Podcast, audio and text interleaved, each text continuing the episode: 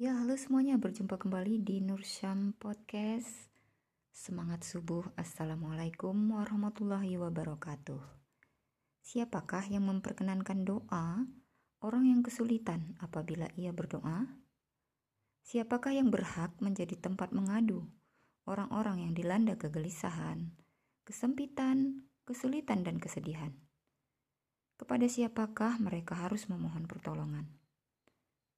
Siapakah yang layak menjadi tempat bergantung, memohon, meminta, dan meratap semua makhluk? Siapakah yang berhak menjadi gantungan hati dan selalu diucapkan oleh lidah manusia? Tak lain adalah hanya Allah yang tiada ilah selain Dia. Bagiku dan juga Anda adalah suatu kewajiban untuk berdoa dan meminta kepadanya dalam keadaan lapang maupun sempit, dalam keadaan mudah maupun ketika sulit. Kita harus menumpahkan semua permasalahan ke haribaannya, dan kita juga tetap harus bertawasul kepadanya. Meski dalam keterjepitan seperti apa pun, kita harus duduk bersimpuh di depan pintu gerbangnya sambil memohon, menangis, merendahkan diri, dan meminta ampunannya. Dan kemudian tunggulah. Karena pada saatnya nanti akan datang pertolongan, maunah, uluran, bantuan dan kemudahan yang bersumber darinya. Atau siapakah yang memperkenankan doa? Orang yang dalam kesulitan apabila ia berdoa kepadanya. Quran Surah An-Naml ayat 62 Hmm. Jawabannya adalah Allah lah yang menyelamatkan orang yang tenggelam memberi jalan keluar orang-orang yang mengalami kesulitan, dan menolong orang yang dizolimi. Memberi petunjuk orang yang sesat, menyembuhkan orang yang sakit, dan meringankan beban orang yang mendapat cobaan. Maka apabila mereka naik kapal, mereka berdoa kepada Allah dengan memurnikan ketaatan kepadanya.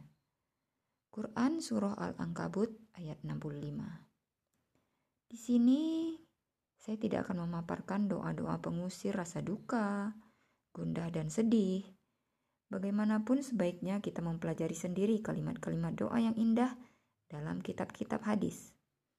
Setelah itu, mengadulah kita, merataplah, berdoa, dan memohonlah kepadanya. Dan bila kita sudah berhasil menemukannya, berarti kita telah mendapatkan segalanya. Akan tetapi, jika Anda kehilangan iman kepadanya, niscaya Anda telah kehilangan segalanya. Doa Anda kepada Rob terhitung sebagai wujud lain dari ibadah. Juga sebagai bukti ketaatan besar yang akan mendatangkan suatu pemberian lebih dari apa yang Anda minta. Maka itu seorang hamba yang benar-benar mengetahui hakikat berdoa kepada Allah, niscaya ia tak akan pernah resah, gundah dan kacau pikirannya karena semua tali akan mengerut kecuali talinya. Dan semua pintu akan tertutup kecuali pintunya. Allah Maha Dekat, Maha Mendengar, dan Maha Menjawab. Dia mengabulkan doa setiap orang yang berada dalam kesulitan. Dia memerintahkan Anda karena Anda manusia yang selalu membutuhkan dan lemah. Dan Dia Maha Kaya, Maha Kuat, Maha Tunggal, dan Maha Terpuji. Agar senantiasa berdoa, dia berkata, Berdoalah kamu kepadaku, niscaya akan kuperkenankan bagimu. Quran Surah Al-Mu'minun ayat 60 Ketika musibah dan bencana datang silih berganti menimpa Anda, berzikirlah kepadanya, sebutlah namanya, mohonlah pertolongannya, dan mintalah jalan keluar darinya. Tundukkan wajah untuk mengkuduskan namanya, demi mendapatkan mahkota kemerdekaan darinya. Lekatkan hidung pada tempat Anda bersujud kepadanya agar Anda mendapatkan keselamatan. Angkat kedua tangan, buka kedua telapak tangan, berbanyak memohon kepadanya. Jangan pernah bosan meminta kepadanya. Dan jangan pernah berpaling dari depan pintunya. Harapkanlah kelembutan, kasih sayang darinya. Nantikan pertolongannya Nyaringkan suara Anda tatkala menyebut namanya. Dan selalu berbaik sangkalah kepadanya. Curahkan selalu waktu Anda untuknya dan beribadahlah kepadanya dengan tekun agar kita mendapatkan kebahagiaan dan kemenangan. Subhanallah. Baik kita lanjut dengan judul berikutnya, semoga rumahmu membuat bahagia. Hmm, menarik nih judulnya. Karena ada juga yang suka menyendiri ya. Mengasingkan diri yang diajarkan syariat dan sunnah Rasul adalah menjauhkan diri dari kejahatan dan pelakunya. Jadi jangan salah tafsir, karena orang-orang yang banyak waktu kosongnya, orang-orang yang lalai, dan orang-orang yang senang membuat huru hara. Dengan begitu jiwa Anda akan selalu terkendali. Hati menjadi tenang, sejuk, pikiran selalu jernih, dan kita akan merasa leluasa dan bahagia berada di taman-taman ilmu pengetahuan. Mengasingkan diri atau uzlah dari semua hal yang melalaikan manusia, dari kebaikan dan ketaatan merupakan obat yang sudah diuji coba dan dibuktikan kemujarabannya oleh para ahli pengobatan hati. Banyak cara untuk menjauhkan diri dari kejahatan dan permainan yang sia-sia. Di antaranya adalah Mengisi waktu dengan menyuntikkan wawasan baru ke dalam akal pikiran. Menjalankan semua hal yang sesuai dengan kaedah takut kepada Allah. Dan juga menghadiri majelis-majelis ilmu, majelis pertaubatan dan zikir. Betapapun perkumpulan atau majelis yang terpuji dan patut dikunjungi adalah yang digunakan untuk menjalankan sholat berjamaah, menuntut dan mengajarkan ilmu, atau untuk saling membantu dalam kebaikan. Maka dari itu hindarilah majelis-majelis yang tidak jelas tujuannya dan tidak pula berguna. Jaga kesucian kulit kita, tangisilah kesalahan kita dan jagalah lidah. Semoga dengan itu rumah kita dapat membahagiakan hati kita. Pergaulan bebas antara laki-laki dan perempuan merupakan serangan mematikan bagi jiwa dan ancaman yang membahayakan keamanan dan kemenangan, ke kedamaian diri Anda. Pasalnya, melakukan hal itu berarti Anda telah bergaul dengan setan-setan pembisik desas-desus, penebar kabar bohong, peramal bencana dan petaka. Dan itu akan membuat Anda mati tujuh kali dalam sehari sebelum Anda benar-benar mati. Maka, jika mereka berangkat bersama-sama kamu, niscaya mereka tidak menambah kamu selain dari kerusakan belaka. Quran Surah At-Taubah ayat 47. Atas dasar itu, harapan saya adalah supaya Anda menjalani bagaimanapun kondisi Anda. Tetap menyendiri di kamar Anda dan hanya keluar untuk berkata atau berbuat baik saja. Pada saat seperti itu, hati Anda akan benar-benar menjadi milik Anda. Sehingga waktu dan umur Anda selamat dari kesia-siaan. Lidah Anda terhindar dari menggunjing atau gibah, hati kita bersih dari kerisauan, telinga kita terjauhkan dari ucapan kotor, dan jiwa kita bebas dari berburuk sangka. Barang siapa mencoba sesuatu, niscaya akan mengetahuinya. Dan barang siapa membiarkan dirinya hanyut dalam gumpalan kasak kusuk dan terseret ke dalam komunitas orang-orang yang tidak berilmu, serta senang berbuat yang sia-sia, matakan maka katakan kepadanya, Say goodbye, selamat tinggal. Lumayan juga ya, keren banget ini. Oke lanjut dengan judul ganti itu dari Allah. Allah tidak pernah mencabut sesuatu dari Anda, kecuali dia menggantinya dengan yang lebih baik. Tetapi itu terjadi apabila Anda bersabar dan tetap ridho dengan segala ketetapannya. Nah, barang siapa ku ambil dua kekasihnya, matanya tetap bersabar. Maka aku akan mengganti kedua matanya itu dengan surga. Al-Hadis. Dan barang siapa ku ambil orang yang dicintainya di dunia, tetap mengharapkan ridoku, niscaya aku akan menggantinya dengan surga. Al-Hadis. Yakni barang siapa kehilangan anaknya, tetap berusaha untuk bersabar. Maka di alam kebadian kelak akan dibangunkan untuknya sebuah baitul ham atau istana pujaan. Maka Anda tak usah terlalu bersedih dengan musibah yang menimpa Anda. Sebab yang menentukan semua itu adalah zat yang memiliki surga balasan, pengganti, dan ganjaran yang besar. Para waliullah yang pernah ditimpa musibah, ujian, dan cobaan akan mendapatkan penghormatan yang agung di surga Firdaus. Itu tersirat dalam firman-Nya. Selamat atasmu karena kesabaranmu.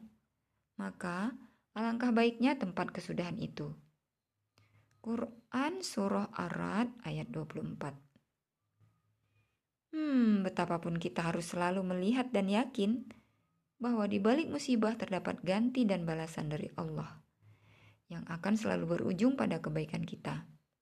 Dengan begitu, kita akan termasuk mereka itulah yang mendapat keberkatan yang sempurna dan rahmat dari Rob mereka. Dan mereka itulah orang-orang yang mendapat petunjuk. Quran Surah Al-Baqarah ayat 157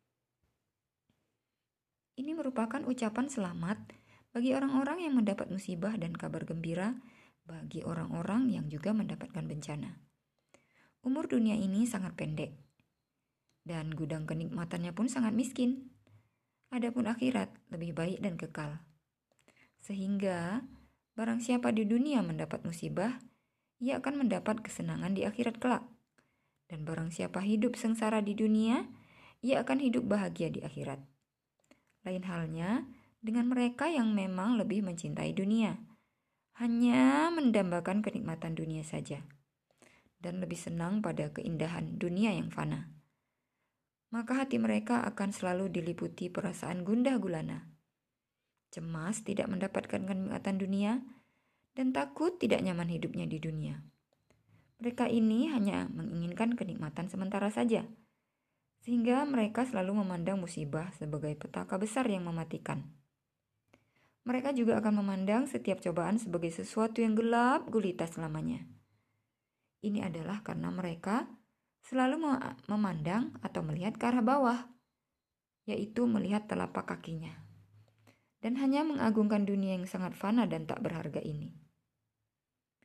Wahai orang-orang yang tertimpa musibah, Sesungguhnya tak ada sesuatu pun yang hilang dari kalian. Sebenarnya, kalian itu justru beruntung. Karena Allah selalu menurunkan sesuatu kepada para hambanya dengan surat ketetapan. Yang di sela-sela huruf kalimatnya terdapat suatu kelembutan, empati, pahala, ada balasan dan juga pilihan. Maka dari itu, siapa saja yang tertimpa musibah yang hebat, ia harus menghadapinya dengan sabar mata yang jernih, dan pola pikir yang panjang. Dengan begitu, ia akan menyaksikan bahwa buah manis dari musibah itu adalah. Lalu diadakan di antara mereka dinding yang mempunyai pintu.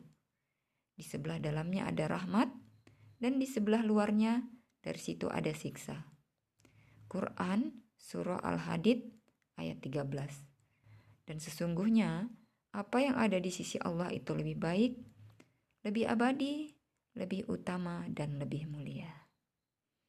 Wow, amazing sahabat cahaya. Demikian dulu untuk episode kali ini. Semoga banyak mendapat insight dan pembelajaran dari hal-hal yang sudah dikemukakan di buku Latazan hingga halaman ke-25 untuk hari ini. Semangat subuh. Assalamualaikum warahmatullahi wabarakatuh.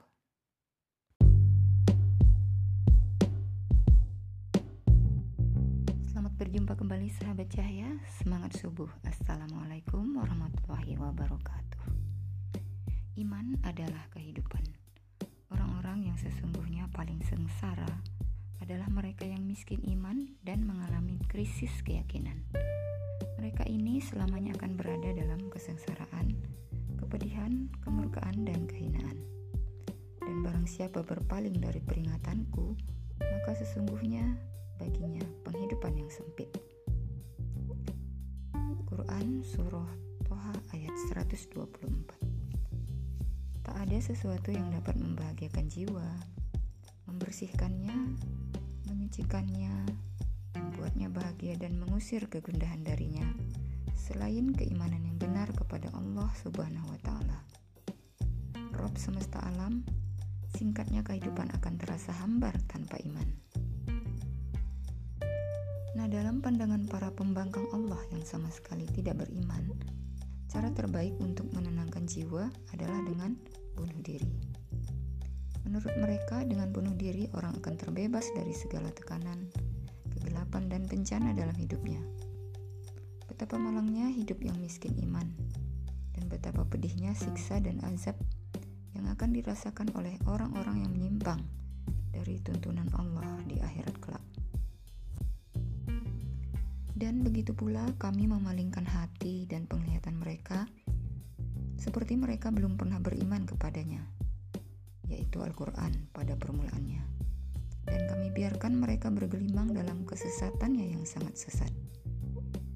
Quran Surah Al-An'am ayat 110 Kini sudah saatnya dunia menerima dengan tulus ikhlas dan beriman dengan sesungguhnya bahwa tidak ada ilah selain Allah Betapapun pengalaman dan uji coba manusia sepanjang sejarah kehidupan dunia ini dari abad ke abad telah membuktikan banyak hal.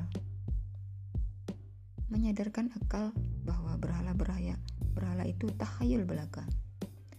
Kekafiran itu sumber petaka. Pembangkangan itu dusta. Para rasul itu benar adanya. Dan Allah benar-benar sang pemilik kerajaan bumi dan langit. Segala puji bagi Allah dan dia sungguh-sungguh maha kuasa atas segala sesuatu. Seberapa besar, kuat atau lemah, hangat atau dingin iman Anda, maka sebatas itu pula kebahagiaan, ketentraman, kedamaian, dan ketenangan Anda. Barang siapa mengerjakan amal solih, baik laki-laki maupun perempuan, dalam keadaan beriman, maka sesungguhnya akan kami berikan kepadanya kehidupan yang baik. Dan sesungguhnya akan kami beri balasan kepada mereka dengan pahala yang lebih baik dari apa yang telah mereka kerjakan.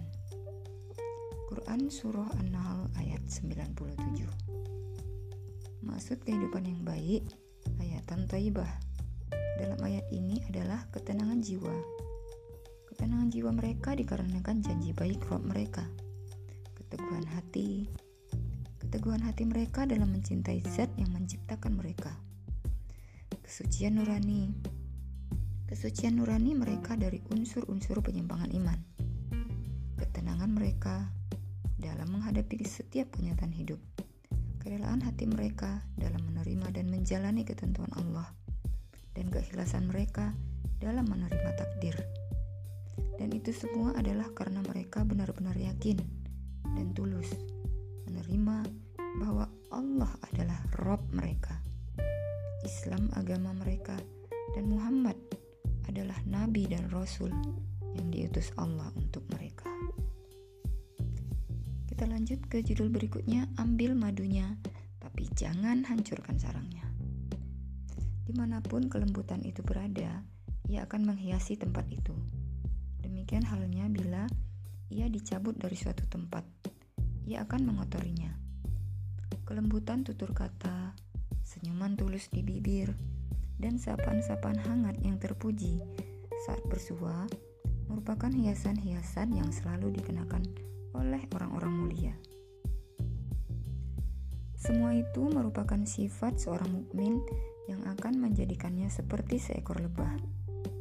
Makan dari makanan yang baik dan menghasilkan madu yang baik. Dan bila hinggap pada setangkai bunga, ia tidak pernah merusaknya. Semua itu terjadi karena Allah menganugerahkan pada kelembutan sesuatu yang tidak dia berikan kepada kekerasan. Di antara manusia terdapat orang-orang istimewa yang membuat banyak kepala tunduk hormat menyambut kedatangannya. Banyak masa berjubel ingin melihat mukanya. Banyak hati bersimpati padanya dan banyak jiwa yang memujanya. Dan mereka itu tak lain adalah orang-orang yang banyak dicintai dan dibicarakan manusia dikarenakan kedermawanan dan kelobaannya, kejujurannya dalam berjual beli, dan keramahan dan sopan santunnya dalam bergaul. Mencari banyak teman merupakan tuntunan dalam hidup yang selalu dicontohkan oleh orang-orang yang terhormat. Dikarenakan Allah dan perilaku akhlak dan perilakunya yang terpuji. Mereka itulah orang-orang yang selalu berada di tengah-tengah kerumunan manusia dengan senyum yang merekah, keramahan yang menenteramkan, dan sopan santun yang menyejukkan. Dan karena itu, mereka selalu ditanyakan dan didoakan ketika tak terlihat.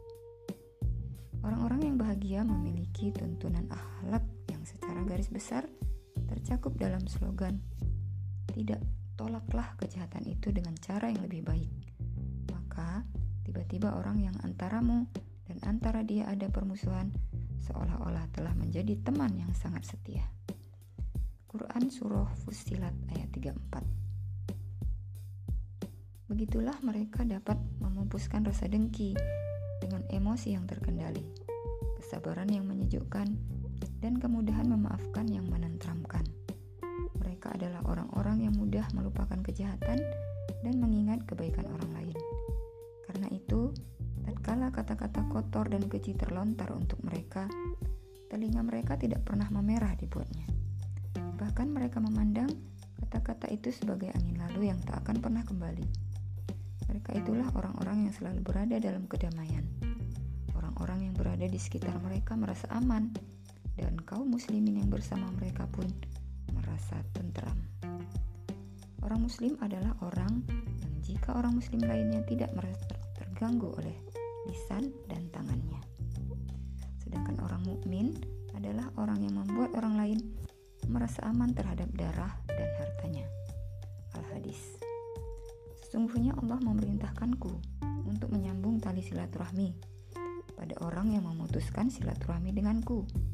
Aku diperintahkan untuk mengampuni orang yang berlaku zolim terhadapku dan memberi kepada orang yang tidak pernah memberi kepadaku. Al-Hadis Dan orang-orang yang menahan amarahnya dan memaafkan kesalahan Quran Surah Ali Imran ayat 134 Sampaikan kabar gembira kepada mereka bahwa balasan Allah atas keteduhan, ketentraman, dan kedamaian mereka adalah akan disegerakan. Sampaikan pula sebuah kabar gembira kepada mereka bahwa mereka juga akan mendapatkan balasan besar di akhirat berupa surga-surga dan sungai-sungai yang indah di sisi Rob mereka kelak, yakni di tempat yang disenangi di sisi Rob yang berkuasa. Quran Surah Al-Qamar ayat 100 ayat 55 Nah, kita lanjut dengan mengingat Allah Maka hati akan menjadi tenang. Judul ini tidak dapat kita bantah Dan itu adalah hal yang sangat kita dambakan. Kejujuran itu kekasih Allah. Terus terangan merupakan sabun pencuci hati. Pengalaman itu bukti dan seorang pemandu jalan tak akan membohongi rombongannya. Tidak ada satu pekerjaan yang lebih melegakan hati dan lebih agung pahalanya selain berzikir kepada Allah. Karena itu, ingatlah kamu kepadaku, niscaya aku ingat pula kepadamu. Quran Surah Al-Baqarah ayat 152 Berzikir kepada Allah adalah surga Allah di buminya. Maka siapa yang tak pernah memasukinya ia tidak akan dapat memasuki surganya di akhirat kelak. Berzikir kepada Allah merupakan penyelamat jiwa dari pelbagai kerisauan, kegundahan, kekesalan, dan goncangan. Dan zikir merupakan jalan pintas paling mudah untuk meraih kemenangan dan kebahagiaan hakiki. Untuk melihat faedah dan manfaat zikir, coba perhatikan kembali beberapa pesan wahyu ilahi dan cobalah mengamalkannya pada hari-hari Anda. Niscaya Allah akan niscaya Anda akan mendapatkan kesembuhan. Hmm, dengan berzikir kepada Allah, awan ketakutan, kegalauan, kecemasan dan kesedihan akan sirna. Bahkan dengan berzikir kepadanya, segunung tumpukan beban kehidupan dan permasalahan hidup akan runtuh dengan sendirinya. Tidak mengherankan bila orang-orang yang selalu mengingat Allah senantiasa bahagia dan tentram hidupnya. Itulah yang memang seharusnya terjadi. Adapun yang sangat mengherankan adalah bagaimana orang-orang yang lalai dari berzikir kepada Allah itu justru menyembah berhala-berhala dunia. Padahal berhala-berhala itu mati, tidak hidup, dan berhala-berhala itu tidak mengetahui bilakah penyembah-penyembahnya akan dibangkitkan. Quran Surah An-Nahl ayat 21 Wahai orang-orang yang mengeluh karena sulit tidur, yang menangis karena sakit, yang bersedih karena sebuah tragedi, dan yang berduka karena suatu musibah, sebutlah namanya yang kudus, betapapun. Apakah kamu mengetahui ada seorang yang sama dengan dia yang patut disembah? Quran Surah Maryam ayat 65 Semakin banyak Anda mengingat Allah, pikiran Anda akan semakin terbuka. Hati Anda semakin tentram, jiwa Anda semakin bahagia, dan nurani Anda semakin damai. Senantiasa, sentausa. Itu karena dalam mengingat Allah terkandung nilai-nilai ketawakalan kepadanya, keyakinan penuh kepadanya, ketergantungan diri hanya kepadanya, kepasrahan kepadanya, berbaik sangka kepadanya, dan pengharapan kebahagiaan darinya. Dia senantiasa dekat ketika si hamba berdoa kepadanya, senantiasa mendengar ketika diminta, dan senantiasa mengabulkan jika dimohon. Rendahkan dan tundukkan diri Anda ke hadapannya. Lalu sebutlah secara berulang-ulang namanya yang indah dan penuh berkah itu dengan lidah Anda sebagai pengejauhan tahan dari ketauhidan pujian, doa, permohonan, dan permintaan ampunan Anda kepadanya. Dengan begitu, niscaya Anda, berkat kekuatan dan pertolongan darinya, akan mendapat kebahagiaan, ketentraman, ketenangan, cahaya penerang, dan kegembiraan. Dan karena itu Allah memberikan kepada mereka pahala di dunia dan pahala yang baik di akhirat.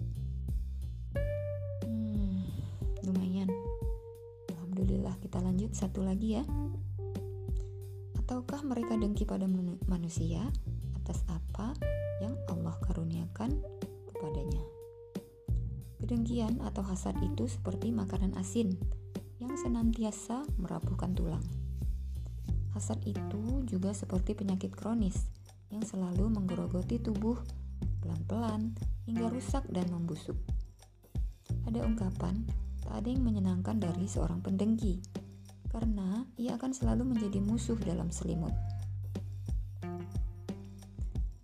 Hmm, sakit ya kalau kita berteman dengan pendengki. Ada pula orang-orang yang berkata seperti ini, celaka benar seorang pendengki, memulai dengan persahabatan dan mengakhiri dengan pembunuhan. Saya berusaha mencegah diri pribadi saya dan juga Anda agar tidak mengidap penyakit dengki. Ini merupakan wujud kasih sayang saya terhadap diri saya sendiri dan terhadap Anda sebelum dapat mencurahkan kasih sayang kepada orang lain. Bagaimanapun dengki terhadap orang lain, kita sama halnya dengan memberi makan kegalauan kepada daging-daging kita, memberi minum kegelisahan kepada darah kita, dan menebarkan rasa kantuk pelupuk mata kita kepada orang lain. Seorang pendengki ibarat orang yang menyalakan pemanggang roti. Lalu setelah panas, ia menceburkan dirinya sendiri ke dalam pemanggang itu. Hmm, sakit ya. Keresahan, kecemasan, dan kegelisahan hidup merupakan penyakit-penyakit yang dilahirkan oleh sifat dengki untuk mengakhiri ketentraman, kesejahteraan, dan kebahagiaan hidup.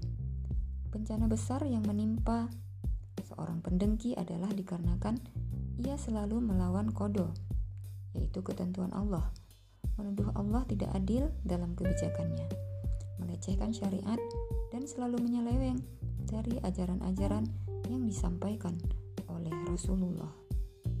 Sungguh, kedengkian itu merupakan penyakit yang tidak bakal mendatangkan pahala, dan juga bukan cobaan yang akan mendatangkan balasan, baik dari Allah bagi para pelakunya. Seorang pendengki akan selalu panas ketika melihat orang lain mendapatkan kenikmatan dan kelebihan. Dan itu akan berlanjut sampai ia mati. Atau kadang sampai kenikmatan orang lain tadi sudah tidak ada lagi. Semua orang boleh diajak bersahabat, kecuali seorang pendengki. Sebab seorang pendengki akan selalu membawa kita agar menyepelekan nikmat-nikmat Allah, menanggalkan semua kepribadian baik kita, melepaskan ciri kehormatan kita, dan meninggalkan semua sejarah baik kita. Itulah hal-hal yang akan membuat seorang pendengki menerima, meski mungkin dengan berat hati. Anda sebagai sahabatnya. Akan tetapi, bukankah kita harus berlindung kepada Allah dari kejahatan seorang pendengki ketika mendengki? Betapapun seorang pendengki itu tetap seperti ular hitam berbisa yang tidak akan pernah diam sebelum menyemburkan bisanya pada tubuh yang tak berdosa. Sungguh, saya peringatkan Anda agar jangan sekali-kali menjong mencoba untuk memiliki rasa dengki. Berlindunglah kepada Allah agar tidak bergaul dengannya, karena Allah lah yang selalu mengawasi Anda.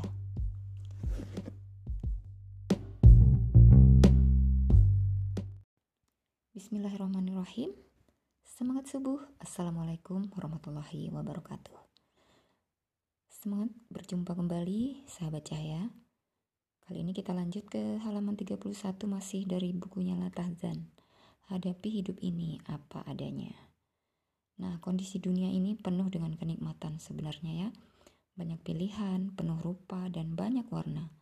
Semua itu bercampur baur dengan kecemasan dan kesulitan hidup dan Anda adalah bagian dari dunia yang berada dalam kesukaran. Anda tidak akan pernah menjumpai seorang ayah, seorang istri, kawan, sahabat, tempat tinggal, atau pekerjaan yang padanya tidak terdapat sesuatu yang menyulitkan. Bahkan, kadangkala justru pada setiap hal itu terdapat sesuatu yang buruk dan tidak Anda sukai. Maka dari itu, padamkanlah panasnya keburukan pada setiap hal itu dengan dinginnya kebaikan yang ada padanya. Itu kalau Anda mau selamat dengan adil dan bijaksana. Pasalnya, betapapun setiap luka ada harganya. Allah menghendaki dunia ini sebagai tempat bertemunya dua hal yang saling berlawanan. Dua jenis yang saling bertolak belakang, dua kubu yang saling berseberangan, dan dua pendapat yang saling berseberangan, yakni yang baik dengan yang buruk, kebaikan dengan kerusakan, kebahagiaan dengan kesedihan. Dan setelah itu, Allah akan mengumpulkan semua yang baik, kebagusan dan kebahagiaan itu di surga. Adapun yang buruk, kerusakan dan kesedihan akan dikumpulkan di neraka. Dunia ini terlaknat dan terkhianat semua yang ada di dalamnya kecuali jikir kepada Allah dan semua yang berkaitan dengannya. Seorang yang alim dan seorang yang belajar, begitu hadis berkata. Maka jalanilah hidup ini sesuai dengan kenyataan yang ada. Jangan larut dalam hayalan dan jangan pernah menerawang ke alam imajinasi. Hadapi kehidupan ini apa adanya. Kendalikan jiwa Anda untuk dapat menerima dan menikmatinya. Bagaimanapun tidak mungkin semua teman tulus kepada Anda, dan semua perkara sempurna di mata Anda. Sebab ketulusan dan kesempurnaan itu ciri dan sifat kehidupan dunia. Bahkan, istri Anda atau suami Anda pun tak akan pernah sempurna di mata Anda. Maka kata hadis, janganlah seorang mukmin mencela seorang mukminah atau istrinya, sebab jika dia tidak suka pada salah satu kebiasaannya, maka dia bisa menerima kebiasaannya yang lain. Nah, adalah seyogianya bila kita merapatkan barisan, menyatukan langkah, saling memaafkan dan berdamai kembali, mengambil hal-hal yang mudah kita lakukan, meninggalkan hal-hal yang menyulitkan, menutup mata dari beberapa hal untuk saat-saat tertentu, menurus, meluruskan langkah, dan mengesampingkan berbagai hal yang mengganggu. Hmm lumayan. Kita lanjut dengan judul berikutnya, yakinilah bahwa Anda tetap mulia bersama para penerima cobaan. Tengoklah ke kanan kiri kita, tidakkah Anda menyaksikan betapa banyaknya orang yang sedang mendapat cobaan? Mungkin termasuk kita juga saat ini ya, dan betapa banyaknya orang yang sedang tertimpa bencana. Telusurilah di setiap rumah, pasti ada yang merintih, dan setiap pipi pasti pernah basah oleh air mata. Sungguh betapa banyaknya penderitaan yang terjadi, dan betapa banyak pula orang-orang yang sabar menghadapinya. Maka, Anda bukan hanya satu-satunya orang yang mendapat cobaan. Bahkan mungkin saja penderitaan atau cobaan Anda tidak seberapa bila dibandingkan dengan cobaan orang lain. Berapa banyak di dunia ini orang yang terbaring sakit di atas ranjang selama bertahun-tahun dan hanya mampu membolak-balikan badannya, lalu merintih kesakitan dan menjerit menahan nyeri. Berapa banyak orang yang dipenjara selama bertahun-tahun tanpa pernah dapat melihat cahaya matahari sekalipun dan ia hanya mengenal jeruji-jeruji selnya. Berapa banyak orang tua yang harus kehilangan buah hatinya, baik yang masih belia dan lucu-lucunya, atau yang sudah remaja dan penuh harapan. Hmm, betapa banyaknya di dunia ini orang yang menderita, mendapat ujian dan cobaan. Belum lagi mereka yang harus setiap saat menahan himpitan hidup. Kini sudah tiba waktunya Anda untuk memandang diri Anda mulia bersama mereka yang terkena musibah dan mendapat cobaan. Sudah tiba pula waktu Anda untuk menyadari bahwasanya kehidupan di dunia ini merupakan penjara bagi orang-orang mukmin dan tempat kesusahan dan cobaan. Di pagi hari istana-istana kehidupan penuh sesak dengan penghuninya. Namun, menjelang senja, istana-istana itu ambruk menjadi reruntuhan. Mungkin saat ini kekuatan masih prima, badan masih sehat, harta melimpah, dan keturunan banyak jumlahnya. Namun dalam hitungan hari saja, semuanya bisa berubah jatuh miskin. Kematian datang secara tiba-tiba. Perpisahan yang tak bisa dihindarkan, dan sakit yang tiba-tiba menyerang. Dan telah nyata bagimu bagaimana kami berbuat terhadap mereka, dan telah kami berikan kepadamu beberapa perumpamaan. Quran Surah Ibrahim ayat 45. Sebaiknya Anda mempersiapkan diri sebagaimana kesiapan seekor unta berpengalaman yang akan mengiringi Anda menyeberangi padang Sahara. Bandingkan penderitaan Anda dengan penderitaan orang-orang di sekitar Anda dan orang-orang sebelum Anda. Niscaya Anda akan sadar bahwa Anda sebenarnya lebih beruntung dibanding mereka.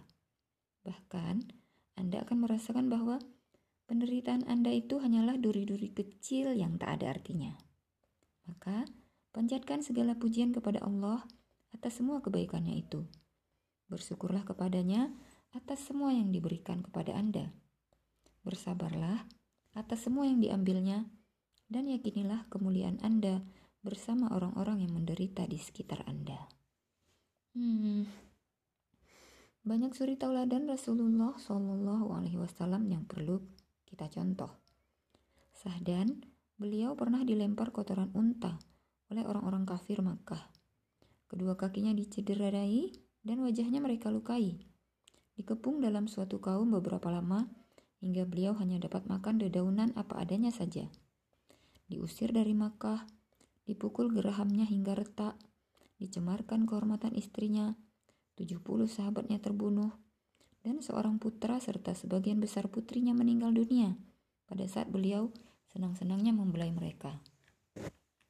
Bahkan, karena terlalu laparnya, beliau pernah mengikatkan batu di perutnya untuk menahan lapar. Beliau pernah pula dituduh sebagai seorang penyair, bukan penyampai wahyu Allah, dukun, orang gila, dan pembohong. Namun Allah melindunginya dari semua itu dan semua hal tadi merupakan cobaan yang harus beliau hadapi dan penyucian jiwa yang tiada tara dan tandingannya.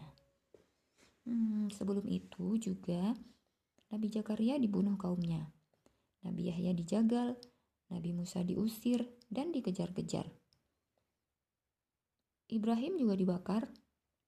Cobaan-cobaan itu juga menimpa para khalifah dan pemimpin kita. Umar radhiyallahu anha dilumuri dengan darahnya sendiri. Utsman dibunuh diam-diam dan Ali ditikam dari belakang. Dan masih banyak lagi para pemimpin kita yang juga harus menerima punggungnya penuh bekas cambukan, dijebloskan ke dalam penjara, dan juga dibuang ke negeri lain. Apakah kamu mengira bahwa kamu akan masuk surga, padahal belum datang kepadamu cobaan sebagaimana halnya orang-orang terdahulu sebelum kamu? mereka ditimpa oleh malapetaka dan kesengsaraan, serta digoncangkan dengan bermacam-macam cobaan. Quran Surah Al-Baqarah ayat 214 Sekarang kita lanjut ke judul berikutnya yaitu Solat. Solat, wahai orang-orang yang beriman, mintalah pertolongan kepada Allah dengan sabar dan solat. Quran Surah Al-Baqarah ayat 153 Jika Anda diliputi ketakutan, dihimpit kesedihan, dan dicekik oleh kerisauan, sakit ya leher kita dicekik, maka segeralah bangkit untuk melakukan sholat. Niscawa, niscaya, jiwa Anda akan kembali tentram dan tenang. Sesungguhnya sholat itu atas izin Allah. Sangatlah cukup untuk hanya sekedar menyernakan kesedihan dan kerisauan. Jadi, setiap kali dirundung kegelisahan, Rasulullah selalu meminta kepada Bilal ibnu Robah, Tenangkanlah kami dengan sholat, wahai Bilal, hal hadis. Begitulah sholat benar-benar merupakan penyejuk hati dan sumber kebahagiaan bagi Rasulullah Shallallahu Alaihi Wasallam. Saya telah banyak membaca sejarah hidup beberapa tokoh kita, dan umumnya mereka sama dalam satu hal. Saat dihimpit banyak persoalan, sulit, dan menghadapi banyak cobaan, mereka meminta pertolongan kepada Allah dengan sholat yang husu. Begitulah mereka mencari jalan keluar, sehingga kekuatan semangat, dan tekad hidup mereka pun pulih kembali. Jadi, kita harus mencontohnya ya. Sholat kauf diperintahkan untuk dikerjakan pada saat-saat genting, yakni ketika nyawa terancam oleh unusan pedang lawan yang dapat menyebabkan kekalahan. Ini merupakan isyarat bahwa sebaik-baik penenang jiwa dan penentram hati adalah sholat yang husuk. Bagi generasi umat manusia yang sedang banyak menderita penyakit kejiwaan seperti saat ini, hendaklah Anda-Anda rajin mengenal masjid dan menempelkan keningnya di atas lantai tempat sujud dalam rangka meraih ridho dari robnya. Dengan begitu, niscaya ia akan selamat dari pelbagai himpitan bencana. Akan tetapi, bila tidak segera mengerjakan kedua hal tadi, Niscaya, niscaya air matanya justru akan membakar kelopak matanya dan kesedihan akan menghancurkan urat syarafnya.